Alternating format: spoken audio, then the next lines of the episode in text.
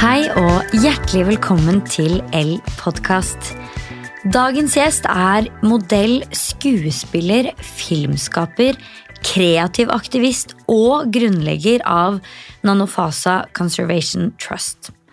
Dette er en dame som både imponerer og inspirerer oss gang på gang, og nå sist med den nye dokumentaren Den lange reisen.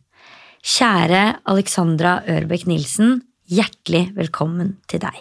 Tusen, tusen hjertelig takk. Vi blir jo veldig glad hver gang du er i Norge, fordi det er jo ikke hele tiden. Eh, og nå har du base i Kenya. Nå bor jeg i Kenya, ja. Hvordan er livet der?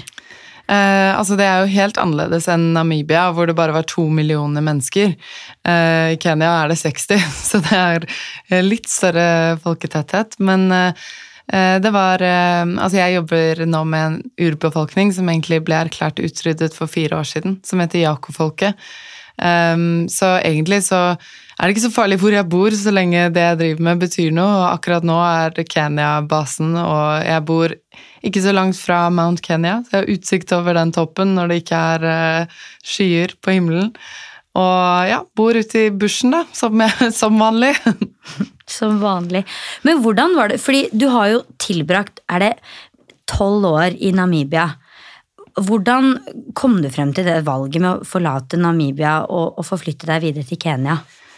Det var egentlig ikke et valg som jeg gjorde. Litt på samme måten som jeg endte opp i Namibia da jeg først eh, startet eh, denne reisen da jeg var 18 år. Så var det jo eh, på en måte skjebnen av å bli ranet i New York som gjorde at jeg endte opp i Namibia og jobbet da med løver og leoparder og så til slutt startet mitt eget prosjekt som jobber med Junkwasi-sandfolket. Eh, og litt på samme måte så ble Namibia-kapitlet avsluttet fordi jeg reddet syv neshorn fra å bli troféjaktet på, og så ble jeg, gikk jeg fra å være den mest populære i Namibia til den minst populære blant jegere og myndigheter og sånn, da. Eh, så noen ganger så får man bare en instruksjon om at nå må du ta alt dette vakre du har bygget her, og gå videre med det.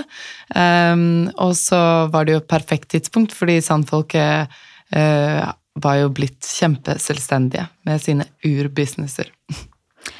Ja, for så du, rett, du, ble rett og slett jaget ut av uh, Namibia, du? Ja, altså, jeg ble ikke jaget med kjepp, men uh, jeg ble Det er greit å vente litt. Jeg ja.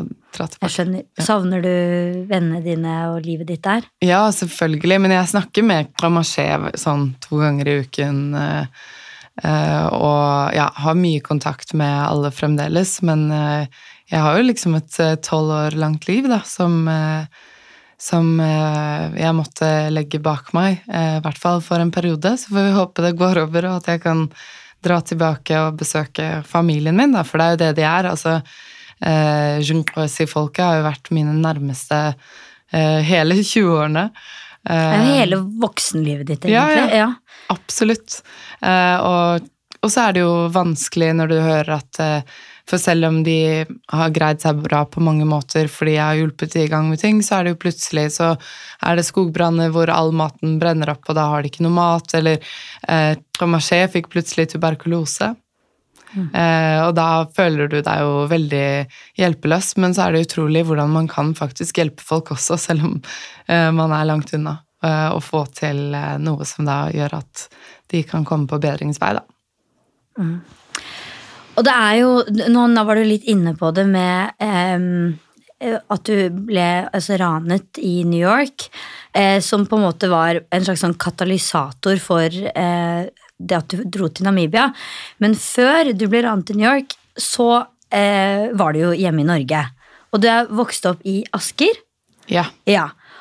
Ok, altså Hvordan havner en jente fra Asker altså Én ting er eh, i New York med en pistol mot hodet og deretter i Namibia. Her, altså, kan ikke dra oss gjennom, Alexandra, for den historien her er jo helt sprø, egentlig. Uh, ja, jeg skal gjøre den så kort som mulig, da, men uh, um, ja, vokste opp i Asker og uh, har vel egentlig hele livet mitt kjent at jeg vokste opp utenfor en boks på alle måter, og var veldig sulten på liksom livet og verden og det å komme meg ut. og eh, Likte ikke så veldig godt det norske skolesystemet, syntes det var vanskelig å, å være der fordi man ikke fikk lov å stille spørsmål, og gjorde du det, så er, du, så er det jantelov-greier og alt mulig.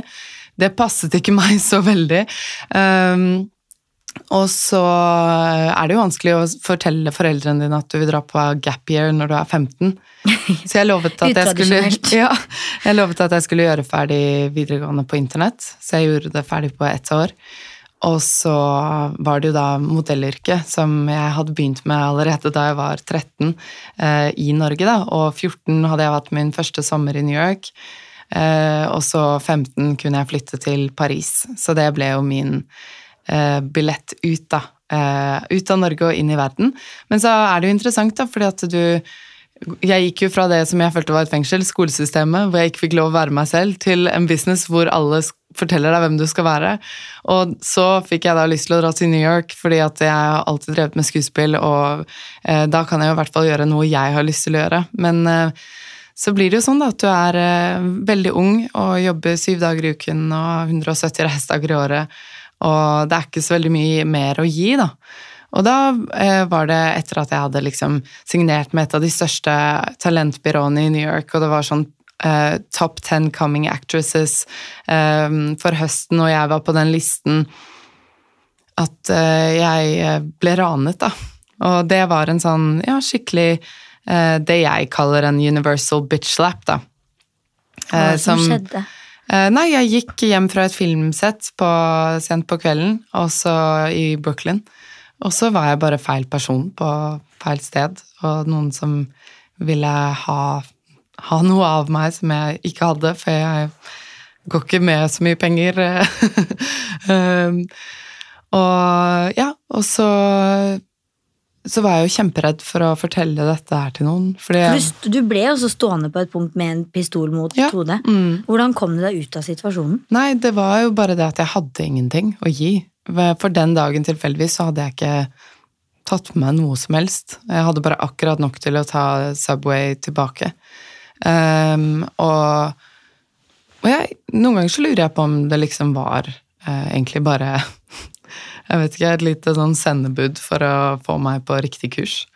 Uh, fordi de tok ikke noe fra meg og gjorde, noe, gjorde, meg ikke noe vondt annet enn å kjenne liksom uh, det kalde uh, Ja, kalde pistolrøret mot hodet. Så da dro jeg tilbake til leiligheten min og Uh, spant en globus. Bokstavelig talt. Bokstavelig talt, ja, ja. Og hadde noen regler at hvis fingeren min landet på Norge, så skulle jeg uh, spinne igjen. Og hvis uh, den landet i havet, så skulle jeg dra på et gap year. Og landet på et land skulle jeg dra dit med mindre det var borgerkrig, da. Ja. Så da var det Namibia som valgte meg, og ikke jeg som valgte Namibia. Men hva var egentlig forkunnskapene dine om Namibia før avreise? Uh, veldig lite. Uh, jeg visste at det var mye ørken der. Og jeg visste jo at det var dyr, for jeg skulle jo jobbe frivillig med dyr. Jeg hadde jo ikke lyst til å være turist, for jeg hadde gjort nok med å liksom støtte opp rundt den konsumsamfunnet ved å være modell fra en alder av 13. Og så uh, ja, jeg, altså jeg visste mer enn hva amerikanere vet, kanskje, om, om Namibia. Um, men det var det, egentlig. Så, så jeg dro jo til et uh, ukjent land, og idet jeg fløy over Namibia, så bare Jeg så ut av vinduet, så var det bare sånn Jeg, jeg er hjemme. ja, det er et land som ikke har noen ting, egentlig, men det har alt allikevel. Uh, og det er så utrolig mange forskjellige landskaper, og som du ser i filmen, så er det jo det forandrer seg hele tiden. Det er nye farger hver time. Um, og så er det et land med utrolig mye plass. Og det var vel kanskje akkurat det jeg trengte etter å ha vært i New York og overalt hvor jeg har både hatt liksom makeup-artister som mygg du ikke får lov å drepe. um, så Ja, så da kom jeg og skulle jobbe frivillig med, eh, med dyr, da. Og skulle egentlig bare være der i to uker, men um, det ble fort en forlengelse av det oppholdet, og så fikk jeg tilbud om jobb. Eh, en jobb som resulterte i åtte jobber hvor jeg ble sånn potet på dette Animal Sanctuary, hvor jeg bare gikk, gjorde alt fra å sy geoparder til å eh, slippe de fri, til å ja, eh, oppdra løver. Eh, men så skjønte jeg jo det at eh, det var jo egentlig dyrene som hjalp meg mye mer enn jeg kunne hjelpe dem, da. Um, og at uh, det var på tide å liksom kanskje gjøre noe annet enn å bare liksom kose med dem og uh, mate dem, men å se om det fantes en mulighet til å slippe de fri.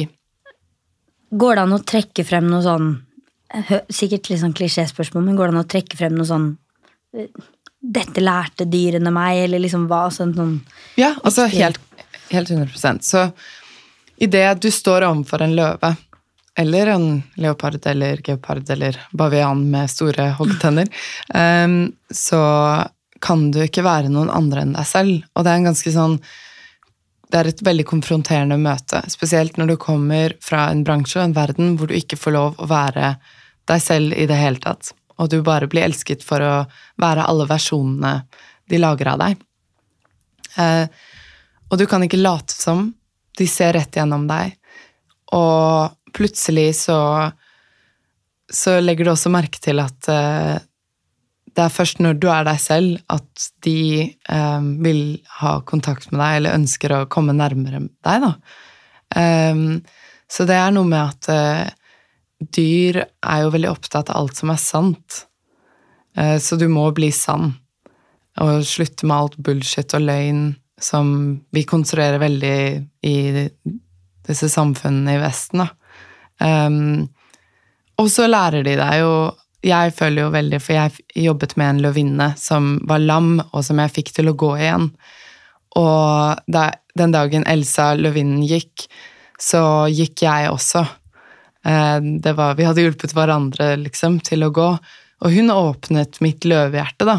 Og jeg opp, oppdaget mot i meg som jeg ikke visste at jeg hadde. Um, du får mot når du jobber med en løvinne som er 150 kilo.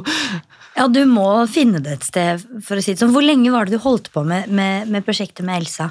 Um, altså, det var ett og et halvt år hvor jeg sto opp hver eneste morgen klokken halv fire for å trene henne i de tidspunktene på døgnet hvor det var kaldere. da, Hvor det var større sannsynlighet for at hun kom til å være aktiv. Og Jeg bygget hinderløyper og alt mulig for å få henne til å gå. og jeg satt med ikke i begynnelsen, fordi hun hatet meg i begynnelsen, så jeg måtte liksom bygge et uh, tillitsforhold. Men jeg måtte til og med sitte med sånn oppvaskkost under, uh, under potene hennes for å se om vi liksom kunne trigge nerve, nervekontakt. Da. Og til slutt så gikk hun.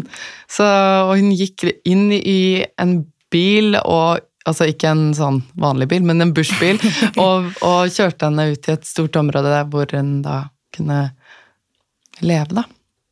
Helt fantastisk. Altså, for et, for et vennskap, da, eller sånn Og, og som du sier, at det, man du, du, begynner jo på en måte helt sånn som mellom mennesker, at du må bygge tillit, men, men kanskje med en løve så må den tilliten være mer sånn absolutt. Det kan ikke være noen tvil på hvorvidt den tilliten er reell før man kan gå neste steg.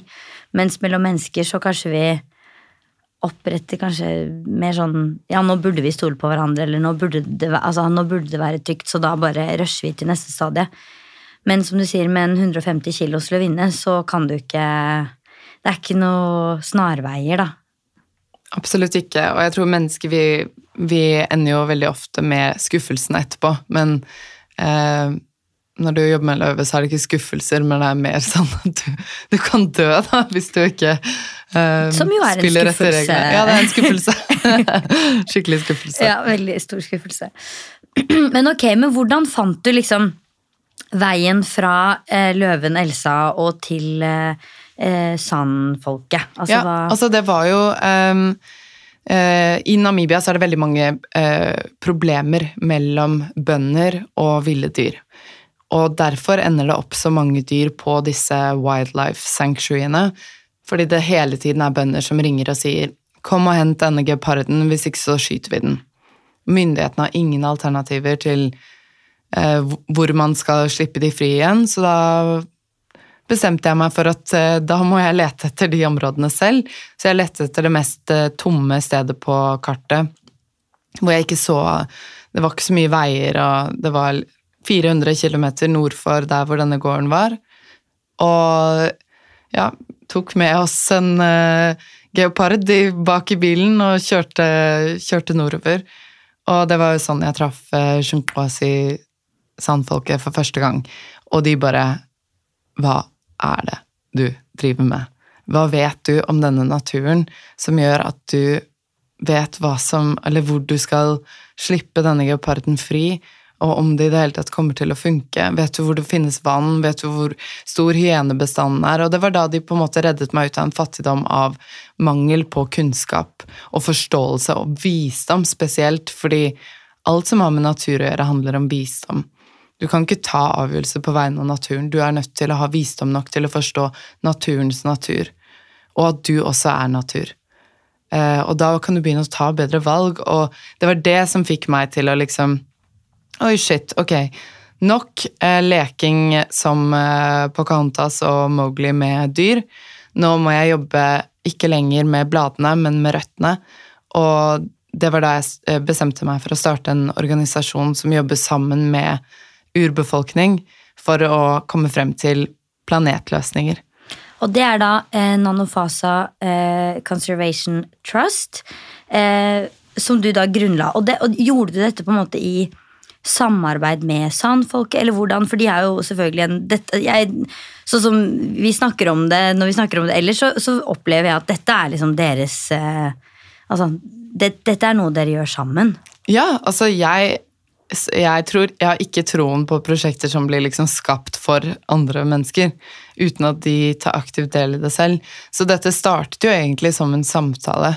Eh, som vi hadde rundt et bål og igjen neste morgen og alle gangene vi har gått rundt i bushen og eh, Det er et fint sted å starte når man snakker om liksom, hva, er det, hva, er det, du mangler, eh, hva, hva, er det, hva, er det, du drømmer om, eh, og så bygge derfra, da. Og så ser man jo at eh, det de mangler og det de drømmer om, det er jo akkurat det vi også trenger for å kunne ivareta disse områdene her. og at det er et veldig sånn stort samspill. Da. At det ikke er så vanskelig å lage noe vakkert ut av det. Men vi driver jo veldig mye med idémyldring, så jeg er veldig sånn opptatt av det jeg kaller sånn idébank. Eh, hvor gamle og unge sitter sammen, og vi kommer opp med kreative løsninger eh, på alle problemene som vi identifiserer. da. Uh, og det er sånn vi finner uh, kommer frem til prosjektene. Så det er absolutt vårt prosjekt. og det er jo, du, du, beskriver deg jo selv som en kreativ aktivist. Um, og det er jo fantastisk å tenke at kreativitet kan faktisk være med på å skape løsninger, og ikke bare makt og Makt og Ja, og makt, for å si det sånn. Ja, makt og penger, da. Altså, jeg tror jo på det at um, det ikke finnes noen problemer, men det er mangel på fantasi og kreativitet. Uh, og jeg, jeg jeg tror ikke, jeg er 100% overbevist om at uh, det finnes kreative løsninger for alt. Uh, som barn er vi ekstremt kreative, og så begynner vi å tilbringe litt mer tid i stressmodus og litt mindre tid i den delen av hjernen vår som virkelig har litt kapasitet da, til å ta gode avgjørelser. Um, og når du blander kreativitet med eldgammel visdom Fordi urfolk er ikke bare uh, De har ikke bare vært naturens voktere i hundrevis av tusen år, men de har også vært deres hjerte og dens sjel. Så de bærer med seg noe som er helt uh, Vi kan ikke leve for uten, og i hvert fall ikke legge fremtidsplaner for hvordan vi skal løse klimaproblemstillinger. Um, og med kreativitet så snakker vi også om at dette er jo inspirerende. Det er jo noe som gir håp. Eh, og vi har nok av liksom dommedagsprofeter og sinneaktivister og folk som bare fokuserer på liksom alt som er feil. Men jeg tror at eh, mørket er der for at lys skal skinne sterkere. Og derfor valgte jeg å gå helt bort fra en sånn standardtittel som aktivist, men å bare bli en kreativ aktivist. Um, fordi det er det som skal lede veien. Og jeg tror at hvert eneste menneske har sitt eget helt personlige uh, uttrykk, i kreative uttrykk i verden. Og, på samme måte som du tar vare på naturen rundt deg, så må du ta vare på naturen i deg, fordi der ligger løsningene for mange, mange um, problemer. Um, så jeg vil absolutt uh, si det at jeg tror også på det der at det ikke er politikere som kommer til å redde verden.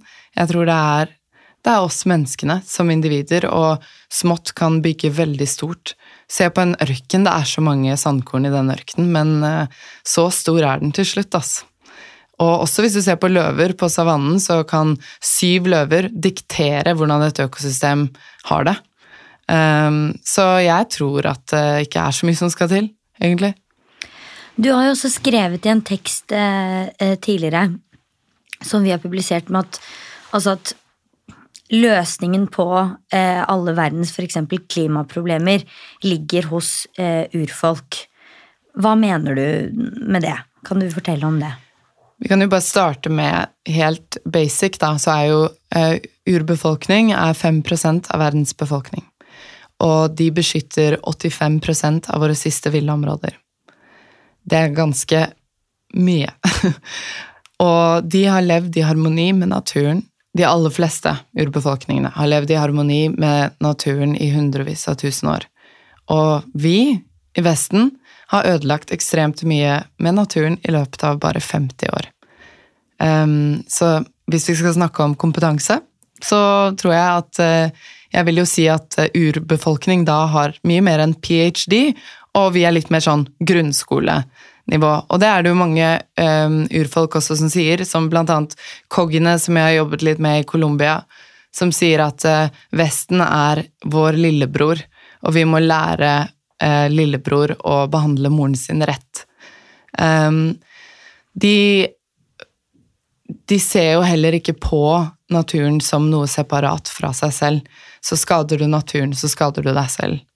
Um, og det er jo sant, men ja, For det husker jeg fra, fra, dokumentaren If we can heal ourselves, we can heal the world. Mm. Hvem var det som sa det til deg? Det er Tuka, den gamle, gamle healeren, da. Før vi dro, sa sa han det. Mm. Jeg tror 100% at det er sant. Det tror jeg er enig med han. jo, men det er akkurat det. da, fordi at Når mennesker har det bra, så heler naturen bedre. Eh, og det starter ikke motsatt vei. Fordi når mennesker har masse problemer, så greier de ikke å tenke på hva de skal gjøre for naturen, bla, bla, bla, alt der ute. Det er først når du greier å ha det bra med deg selv, at du kan begynne å ta bedre valg. Eh, altså, ting bare faller, seg, faller litt lettere på plass. Fordi det er, det er jo klart det at eh, når du kjenner deg bedre, så ønsker du bedre ting også for omgivelsene dine. Du ønsker å spise bedre, bevege deg mer, eh, bidra litt til, eh, smile litt mer. Og det er utrolig hvor lite som skal til før, før den du er, og den rollen du spiller i verden, virkelig får et stort ekko i også andres liv, og også i det miljøet eller naturen eller i landet eller i universet, da. Det er så Og, det og det, det er så utrolig enkelt, og så er det likevel så vanvittig vanskelig for så utrolig mange av oss å gjennomføre. Det der med å starte med deg selv, ha det bra med deg selv for å kunne gjøre bra ting for andre, da. Da er det igjen tid for garderobepraten med Elfa. Og nå sitter jeg her sammen med Linn Rebekka Karlsen, som er ansvarlig for PR og markedsføring hos Elfa Norge. Og vi har jo snakket ganske mye om eh, systemene hos Elfa og alle de ulike eh, valgmulighetene som fins. Men det er jo ikke bare ulike løsninger, det er jo også ulike stiler på selve systemet. Og der har dere to alternativer som du skal presentere for oss i dag. Fortell om det. Yes. Da har vi classic og decor. Eh, og classic er kanskje den folk forbinder mest med Elfa i dag. Den litt sånn typisk Stockholm-stilen, som er litt minimalistisk og også litt industriell. Men så har du også decor, som er kanskje litt mer kontinental og kanskje litt mer møbelmang. Så det er de to uttrykkene som vi har hos oss. Og hvilken er din personlige favoritt, Alin, hvis jeg kan spørre om det? Jeg er nok en decor girl, altså. Veldig, veldig gøy. Og hvis dere som lytter har lyst til å ta en titt på hvordan disse ulike stilene ser ut, decor og classic, så anbefaler jeg å sjekke ut Elfa Norge på Instagram for masse bilder til inspirasjon. Men det jo, handler jo veldig mye om å ta et valg, da. For du kan jo gå hele livet ditt og være liksom et offer av fortiden og en fange av fremtiden. Og så kan du bare bestemme deg for at uh, jeg skal ikke la hvordan verden der ute uh, Altså, jeg skal ikke la verden der ute være en temperaturmåler på hvordan jeg har det på innsiden. Så man kan starte hver dag med å gjøre uh, enkle ting. Ikke sant? for det er ikke så mye som skal til for å ha det bra, egentlig. har du det bra akkurat nå? Ja. Du har det ikke bra hvis du tenker på alt det du skal gjøre i morgen, eller hva som skjedde i går, kanskje. Men akkurat nå når vi sitter her, har det jo dritbra. Og det er det jo sånn med Pamaché og Kui også. De lever jo bare i nuet hele tiden. Um, og, og, her i Vesten skal vi begynne å snakke om at ja, men nå, nå er nå fortid. Og ja, nå er nå ikke sant? Vi gjør det også komplisert. Det, altså, gjør ting så lite komplisert som mulig. Si hva du mener, sett grenser, stå for det som er viktig for deg, og gled deg over livet, for du har et timeglass, og dette er en, den største gaven du har fått. Og mennesker rundt deg er ikke gaver som du skal åpne, men det er gaver som skal åpne noe i deg. Og det, det er bare Hvordan kan du være ulykkelig da? Men så på et eller annet tidspunkt i dette eh, Altså dette livet du lever i eh, Namibia, så når jo du også likevel en eller annen sånn form for ja, om du ikke er lykkelig her og nå, eller hva det egentlig handler om, men det er et eller annet inni deg som um, søker noe mer. Du kan jo du må, Jeg vil at du skal sette ord på det. Uh, men det er også det som på en måte blir utgangspunktet for det som var Den lange reisen, og som nå også er dokumentaren Den lange reisen. Fortell om utgangspunktet. Ja, altså Jeg startet jo denne organisasjonen i 2011, og um, responsen fra de aller fleste rundt meg når jeg prøvde å samle penger, og alt sånne ting, var jo egentlig at eh, hvem bryr seg om urbefolkning? Det er jo først nå de har blitt mer eh, anerkjent, både av FN og andre, som liksom Wow, det er kanskje viktig for fremtiden. Eh, men jeg var jo ganske alene, for det er jo veldig lett å få penger til å bygge en barnehage ofte, men ikke så lett å liksom få folk til å gå inn i helheten. Eh, men jeg hadde jo veldig troen på det, da, så jeg jeg, jeg, ga alt, og jeg gjorde vel egentlig den feilen som veldig mange begår, når du blir veldig sånn um, involvert i et prosjekt eller en uh, passion eller lidenskap eller jobb, at uh, det blir viktigere enn deg. Og um, prosjektet ble mye viktigere enn meg. Jeg var villig til å gjøre alt for å få til alt. Um, Sandfolket hadde så mange problemer som var så mye større enn mine. Jeg ba jo veldig ofte døde barn i armene mine, og det er en ganske rar ting å gjøre når du er 21 år gammel, og liksom være så i pakt med døden, da. Um, og, og så ble det liksom litt sånn at selv om jeg gikk jo og kjente på at jeg hadde vært syk ganske lenge og var syk Det er sånn Noen ganger så bare vet du at du er syk, ehm, men jeg ville jo ikke innrømme det. og, og var jo da mer opptatt av å redde sandfolket enn meg selv, da. Og så hadde jeg noen advarsler underveis, hvor jeg liksom plutselig havnet på sykehus og sånne ting, men jeg bare fortsatte, fortalte lite om det. Og så til slutt så ble jeg lagt inn med blodforgiftning og måtte opereres. Eh, eh, og hadde De tror fremdeles at det kanskje var amøber eller parasitter eller et eller annet som har angrepet galleblæren min, da. Eh, men jeg holdt på å dø. Um, og Når var dette? Dette var året før jeg ja. la ut på Den lange reisen. Og Lange reisen den skjedde i 2019? Ja. ja så mm. dette var da 2018. Og ja. da var du hvor gammel? Um, ja, altså jeg var jo sånn 27-28 når ja, dette skjedde. Altså jeg, litt, jeg, har litt vanskelig med tidsperspektiver, ja, fordi at uh, blant sandfolket så eksisterer ikke ja, tiden. Så jeg er, er sånn, ikke helt sikker på Vi er veldig opptatt av her hjemme i Norge. Ja, jeg bare aner ikke egentlig hvor, uh, hvor gammel jeg er. Um, men uh, ja, så er det jo sånn at når du holder på, eller når du har nesten mistet livet ditt, så våkner man opp med veldig mange spørsmål. Og den første setningen som dukket opp i hodet mitt, var eh, 'Jeg ønsker å skape det som bør eksistere'.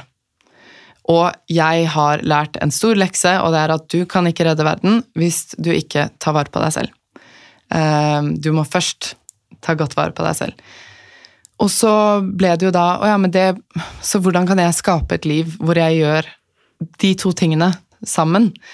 Eh, og da begynner man jo å lete, og så jo mer du stiller spørsmål, jo mer forvirret blir man jo. ikke sant? Og det er jo uh, oppskriften på å ikke ha det bra eller ikke, når man ikke vet hvor man skal.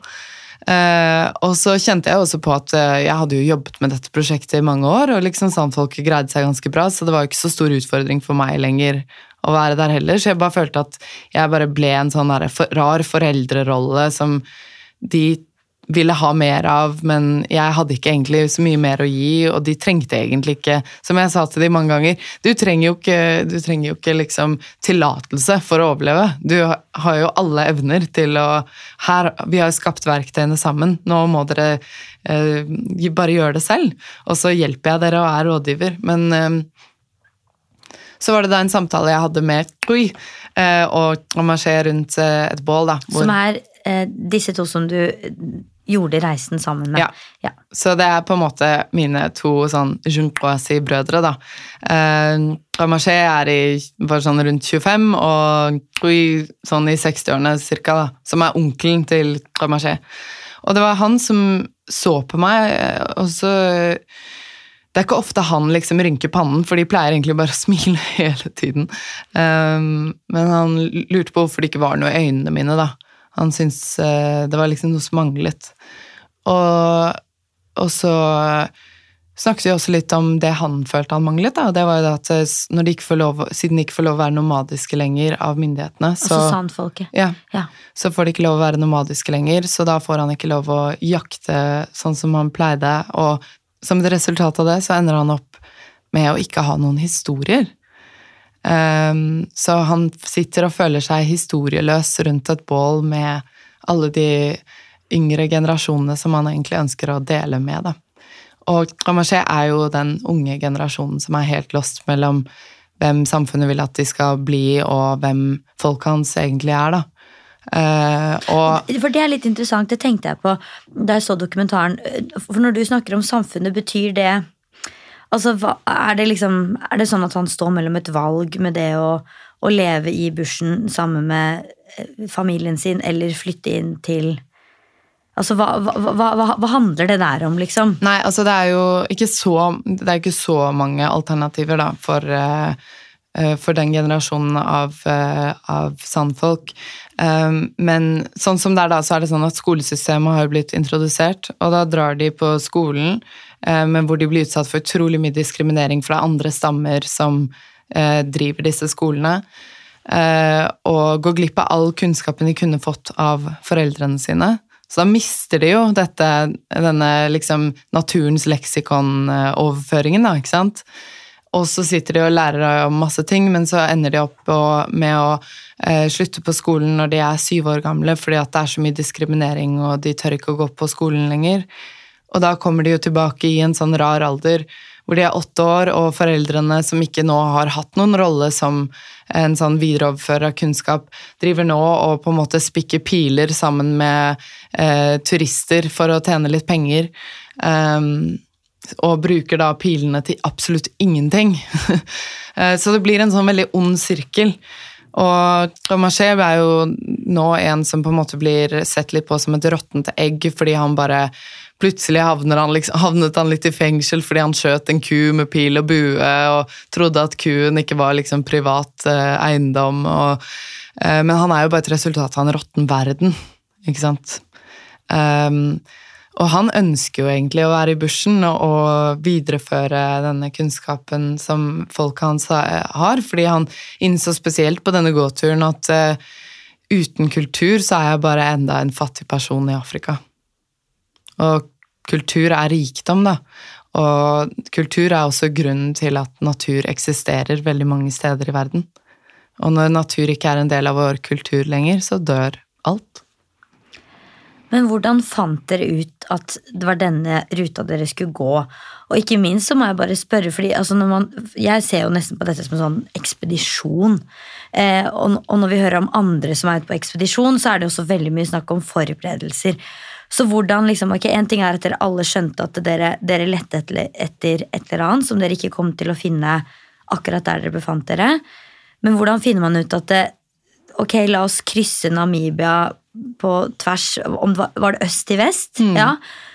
Og hvordan forberede Altså hele det Nei, og så var det jo da eh, altså Dette var jo på en måte del én, og så del to var eh, Hun sa et eller annet om at alt er innenfor gåavstand. Og det var den kommentaren som bare gjorde at jeg gikk og la meg eh, Eller det var ikke grunnen til at jeg gikk og la meg, men jeg våknet midt på natten og bare Men vi må jo krysse Namibia og gå i fotsporene til liksom den, den veien sandfolket en gang har gått da, for å ende opp der hvor de er, som er øst i landet. Um, og selv om det ikke er nøyaktig den ruten, så er det jo cirka, og så var det sånn hvis vi krysser Namibia fra øst til vest, så kommer vi også til å møte mange forskjellige stammer, og det er en fin mulighet til å minne alle på, og spesielt myndighetene av Namibia, som pleier å bruke sandfolket som en sånn turistattraksjon, og som på deres eh, turistattraksjonswebside skriver at uh, dette er en stamme som snart blir utryddet. Altså, Hvordan kan myndigheter i et land si det om sitt eget folk? Det er jo helt sinnssykt. Så jeg bare ok, nå skal vi sette disse gutta på kartet, og vi skal krysse Namibia. Og det syns jo Rui var en dritgod idé, fordi han bare Masse mulighet for historiesanking, ikke sant? Og Kamasje bare Jeg har ikke noe annet å gjøre, så jeg blir med på det. Og det er en fin mulighet til å kunne bare være sammen med Rui hver eneste dag da, og lære, lære av ham. Eh, Så det var det som trigget det, og så ville vi jo gjøre det litt vanskelig. da, Sånn at eh, vi gikk uten penger for å leve av det vi jaktet og sanket, eller hva folk ga oss. Men sånn mentalt og rent sånn fysisk og Det er blant annet en scene hvor du Da måtte jeg faktisk lukke øynene, Fordi det synes jeg det, det, Der var det en eller annen sånn terskel for meg. Men hvor du blant annet må liksom tappe blemmer i foten din for blod, regner jeg med at det var. Altså sånn, det er jo en fysisk påkjenning, og det å liksom ikke vite Altså de som er med på 71 grader nord, liksom, der er det på en måte altså, det, det er noe litt annet, da, for å si det sånn. Eh, mens her så er det jo liksom og skotøyet og, liksom den fysiske formen. Altså sånn, det å gå Dere la vel opp til at det skulle ta en måned? Men det å liksom gå i strekk i så lang tid og altså Ja. Vi gikk jo eh, Totalt ble det jo 1490 km. Det var ikke planlagt. Vi skulle egentlig bare gå 1200 km, men myndighetene ga oss ikke tillatelse til å gå igjennom en sånn nasjonalpark, så vi måtte gå rundt. Em, vi gjorde jo veldig lite forberedelser, fordi altså, når du går med eh, verdens eldste urbefolkning, så er jeg ikke så stressa i forhold til det med liksom vann og overlevelse. Og de er også veldig flinke til å fortelle meg liksom sånn Når vi hadde tre dager hvor vi ikke hadde spist noe særlig, at jeg bare Det handler om å bli liksom en krokodille og la sollyset mate deg. At alt Altså, kroppen spiser av seg selv, det går bra. Den spiser seg selv, det går bra. Um, og roe ned stressnivået veldig. Eh, skomessig så, eh, så gikk jeg jo bare med en sånn eh, mokasiner første delen. Eh, fordi når du med når du går med sko som har veldig mye såle, så, så får du ganske dårlig holdning. Du bruker føttene dine mye mer når du går med flate sko eller sånn bare en såle, da, egentlig. Um, og du ruller på foten, og det er bedre for ryggen. Altså, så jeg fikk jo ikke noe Og det var også for å unngå blemmer. Eh, så jeg unngikk jo vannblemmer, men jeg fikk jo jævlig mye blå, øh, blodblemmer da, til slutt. Um, og så var det jo eh, ganske utfordrende å måtte spise noen ting som jeg syns var relativt tøft. Eh, og så hadde vi jo Altså, i den filmen så ser du jo at vi blir eh, Vi, møter på en elefant når det er mørkt. Men eh, det var så mye farligere enn det som kom frem på filmen. Eh, For i filmen så har de prøvd å sette sammen noe som gjør at du får en følelse av hva som skjedde. Men det var så farlig at filmcrewet måtte forsvinne. Og vi måtte legge oss ned fordi den elefanten løp mot oss, og det var ganske mørkt. Og den elefanten var liksom en totonns bil som bare kom i full fart mot oss, og vi måtte legge oss ned på bakken for å komme ut av vindretningen. Og elefanten stoppet ca. to meter fra oss. Altså, jeg, Jeg har aldri kjent på så mye frykt i hele mitt liv. Hvor det var sånn at jeg vurderte om jeg skulle begynne å grave et hull for å bare forsvinne. Altså sånn eh, Og så var det det at vi kom oss ut av vindretningen som gjorde at den mistet liksom teften av oss. Men så skal du da krype på albuene de siste kilometerne, og du vet at nå er det mørkt, og det er en helt annen verden. Og Kaudum, som er den første eh, nasjonalparken som vi gikk gjennom, Kaudum på junkwasi-språk, som er Kaudum, betyr where people die. Og det var veldig veldig til stede i hodet mitt. og det da, var der dere var da? Det var der vi startet gåturen. Så du møtte elefanten where people die? ja, ja. Altså, det er en park som har, en nasjonalpark som er skikkelig hårete. Det er ikke sånn det er ikke et sted du drar på safari. Eh, der er det 6000 elefanter som har blitt jaktet på og opplevd krypskyttere på grensene. Så de er kjempeaggressive, veldig redde. Eh, så det var der vi startet gåturen. Det syns jeg var skikkelig dårlig utgangspunkt. og så er det et, eh, en, en, et moment hvor, eh, hvor du også blir gående litt alene, fordi reisefølget ditt sier at ok, nå skal vi prøve å jakte. Kan du gå en strekning alene? Og da sier du at ja, jeg jeg gjorde det, men jeg, tro, men jeg, turte heller ikke å fortelle hvor redd jeg egentlig var. Eh, nå skjønner jeg jo litt hvorfor du var redd, men har du lyst til å sette ord på det? Ja, altså det var jo eh, Det var jo bare noen dager etter dette hadde skjedd med, eh, med elefanten. Men så er jo jeg også en stifinner, så sandfolket har jo lært meg å lese spor, og jeg er ganske god på det. Og det er ikke nødvendigvis en fordel. Altså Noen ganger så er det å vite lite eh, bliss. Og vet, jo mer du vet, jo skumlere er det å, å bevege seg, og spesielt, eh, spesielt, da alene, hvor du liksom blir klar over sånn Men herregud, hva hvis jeg liksom eh, setter meg ned, og det er en slange, eller hvem skal jeg spørre om hjelp? Og Filmcrew var jo bare med oss innimellom. ikke sant? De gikk jo ikke, Det var jo mange steder de ikke kunne filme oss, for det var umulig å filme fordi de ikke kom, de ikke kom dit. For de gikk jo absolutt ikke de samme avstandene som vi gikk. Og, um, og, spesielt også på disse veiene så følte jeg liksom sånn Oi, shit, nå er jeg faktisk alene. Og jeg, det jeg er mest redd for i verden, er mennesker. Selv om det er eh, mennesker jeg også elsker veldig høyt, da, men um, mennesker gone bad kan være ganske skumle. Så da blir du litt sånn klar over at um, ja, det er en ekstra trygghet når de er der, da, og så er det jo sinnssykt mye ville dyr. Så det hjelper alltid når liksom Louis, som har sånne avatarsanser, bare føler at det kommer en leopard før vi trenger å se den, liksom. ja, for det er mye snakk om det med spor, eh, ikke sant. Um, jeg syns også det er veldig eh, interessant når på et eller annet punkt så når dere asfalt. Eh, og da, snak, og da, snakker dere om hvordan liksom, men i asfalten er det ingen spor.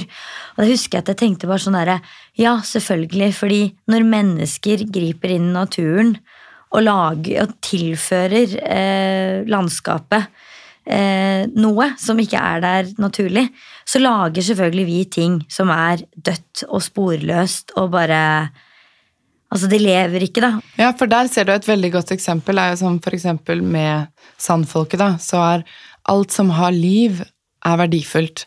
Mens eh, i mer moderne samfunn så har bare døde ting verdi.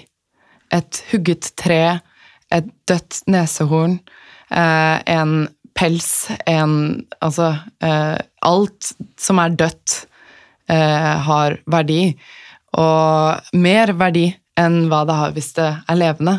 Med mindre sant, man får til en skikkelig bra turismegreie hvor safari betaler mer enn hva krypskytere gjør. Eller, men eh, det er jo på en måte det gjennomgående, da, at vi har gått fra å verdsette det som var levende, til å verdsette det, det som er dødt, mer.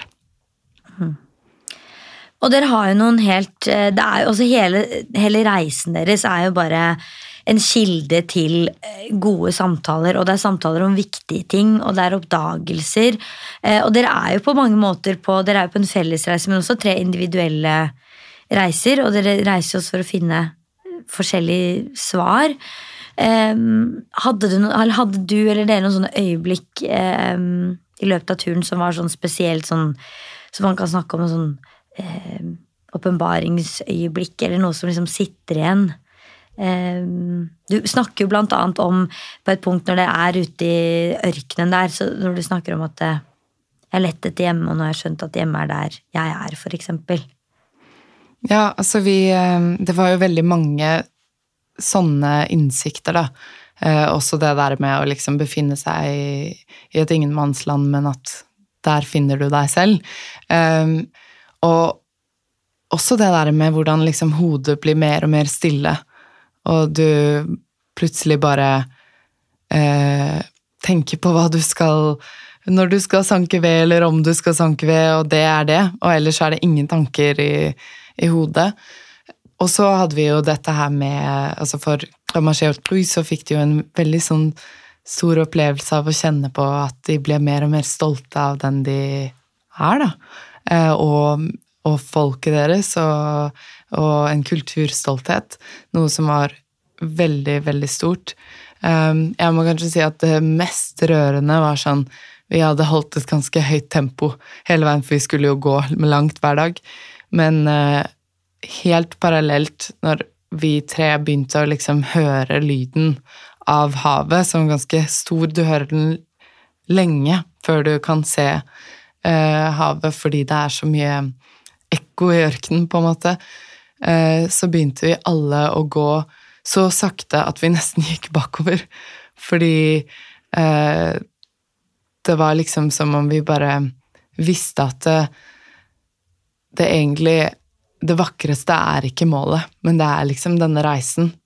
Eh, og at vi visste at eh, nå begynte målet å nærme seg. Og det, det var mer truende enn det var eh, magisk, egentlig. Fordi det er jo det. Det er jo reisen som er eh, Det er målet. Og det er veldig, veldig fint når dere står der sammen. Og dere blir som tre sånne små barn som bare bader, eller prøver å bade, eller altså sånn Ja, det, det er eh, Og det der med ja, tre mennesker som når det fysiske samme målet, men kanskje tre helt individuelle mål i seg selv, men kanskje også det samme. Jeg vet ikke. Hvordan har dere snakket om turen og opplevelsen i ettertid? Nei, um, det er jo det som er litt lettest, da, er jo at uh, når vi kom tilbake til landsbyen, etter å ha vært borte en måned og lagt ut på hele denne greia her, så kom vi inn i landsbyen, og de bare Erikachi! Liksom, halla, hva skjer da? Som om vi bare ikke har vært borte i det hele tatt.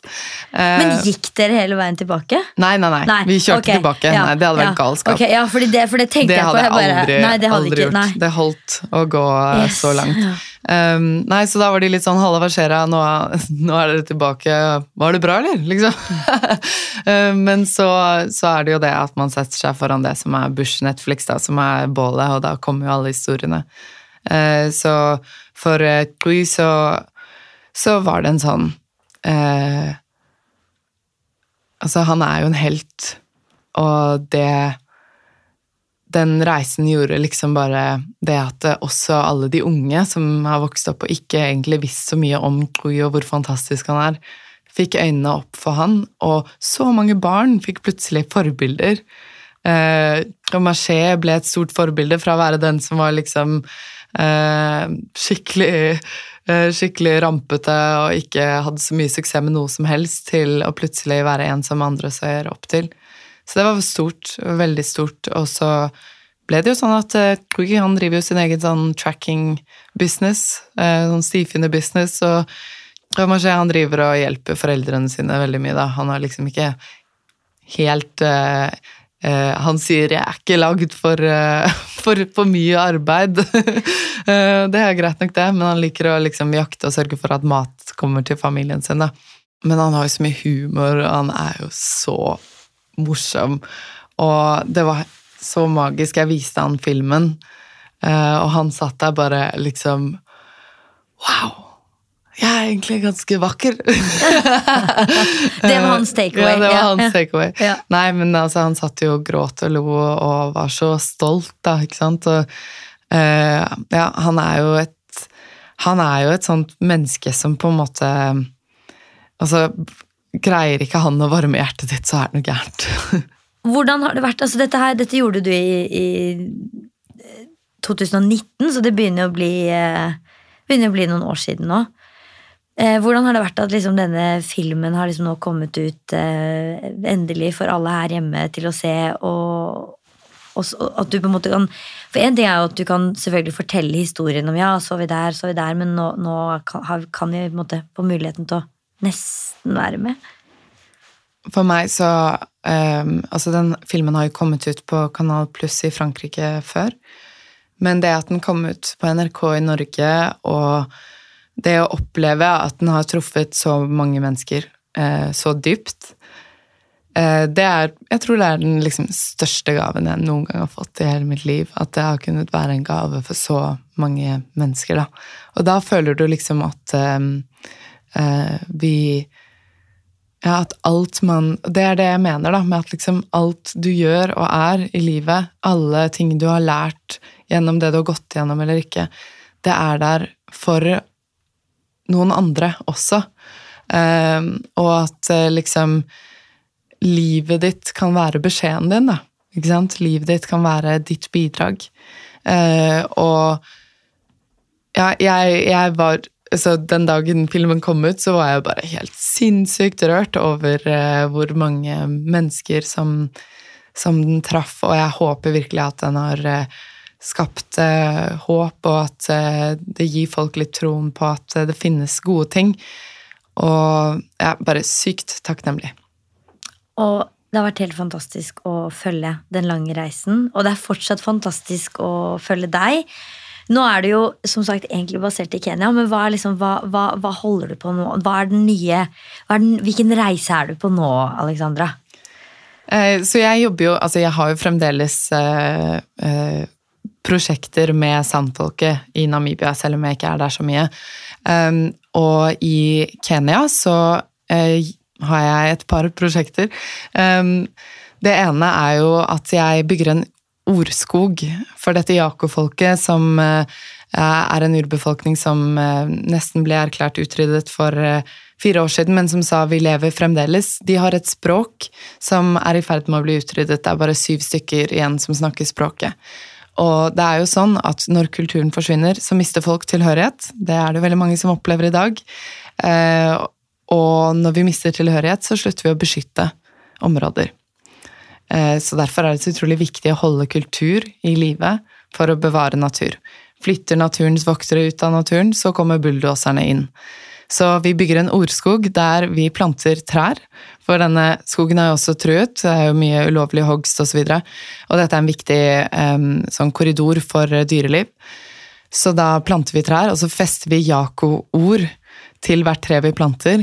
Så vi bygger en ordskog. Så når barna går til skolen, så går de gjennom en ordbokskog eh, av sitt eget språk. Og det er en måte å vekke eh, kulturkontakt og stolthet på. Um, så det er jo da å plante trær og redde ord, da, egentlig, som er konseptet. Dette er jo kreativ aktivisme på sitt aller beste, vil jeg si. Ja, og så har vi jo da eh, Vi har plantet ca. 83 000 trær. Så du sa tidligere at veldig mange føler at det er mye penger som skal til for å gjøre en forandring. Med bare 100 000 kroner så har jeg beskyttet et område med elektrisk gjerde for å holde elefanter unna trærne. Eh, Vi har eh, satt i gang en honningproduksjon med kvinner som da er biebeskyttere. Eh, Og det er 200 kvinner som beskytter biepopulasjoner, tjener penger på å selge honning og lage bikubelys, og en liten gruppe kvinner som vever tepper fra alt søppelklærne vi sender nedover til Afrika. Og, så det er altså 260 mennesker som har fått startet en, det jeg kaller en urbusiness. Og urbusinesser er Utgangspunktet er at du blander eldgammel visdom eller tradisjoner eh, med kreativitet for å finne planetløsninger, enten det handler om å rydde opp, eller det handler om å beskytte eh, bier, som er ekstremt viktig for planeten vår, eller om det handler om å plante trær og være eh, trebeskyttere. Eller eh, elefantbeskyttere, eller Altså, jeg tror veldig på at man altså, Her er det urbefolkning som har gjort disse jobbene i 100 000 år og aldri fått betalt for det. Og det er vår Min jobb, da, å gjøre det til faktiske jobber som de kan tjene penger på. Eh, sånn at eh, de fremdeles greier å ja, klore seg fast i en planet som prøver å riste de av ryggen.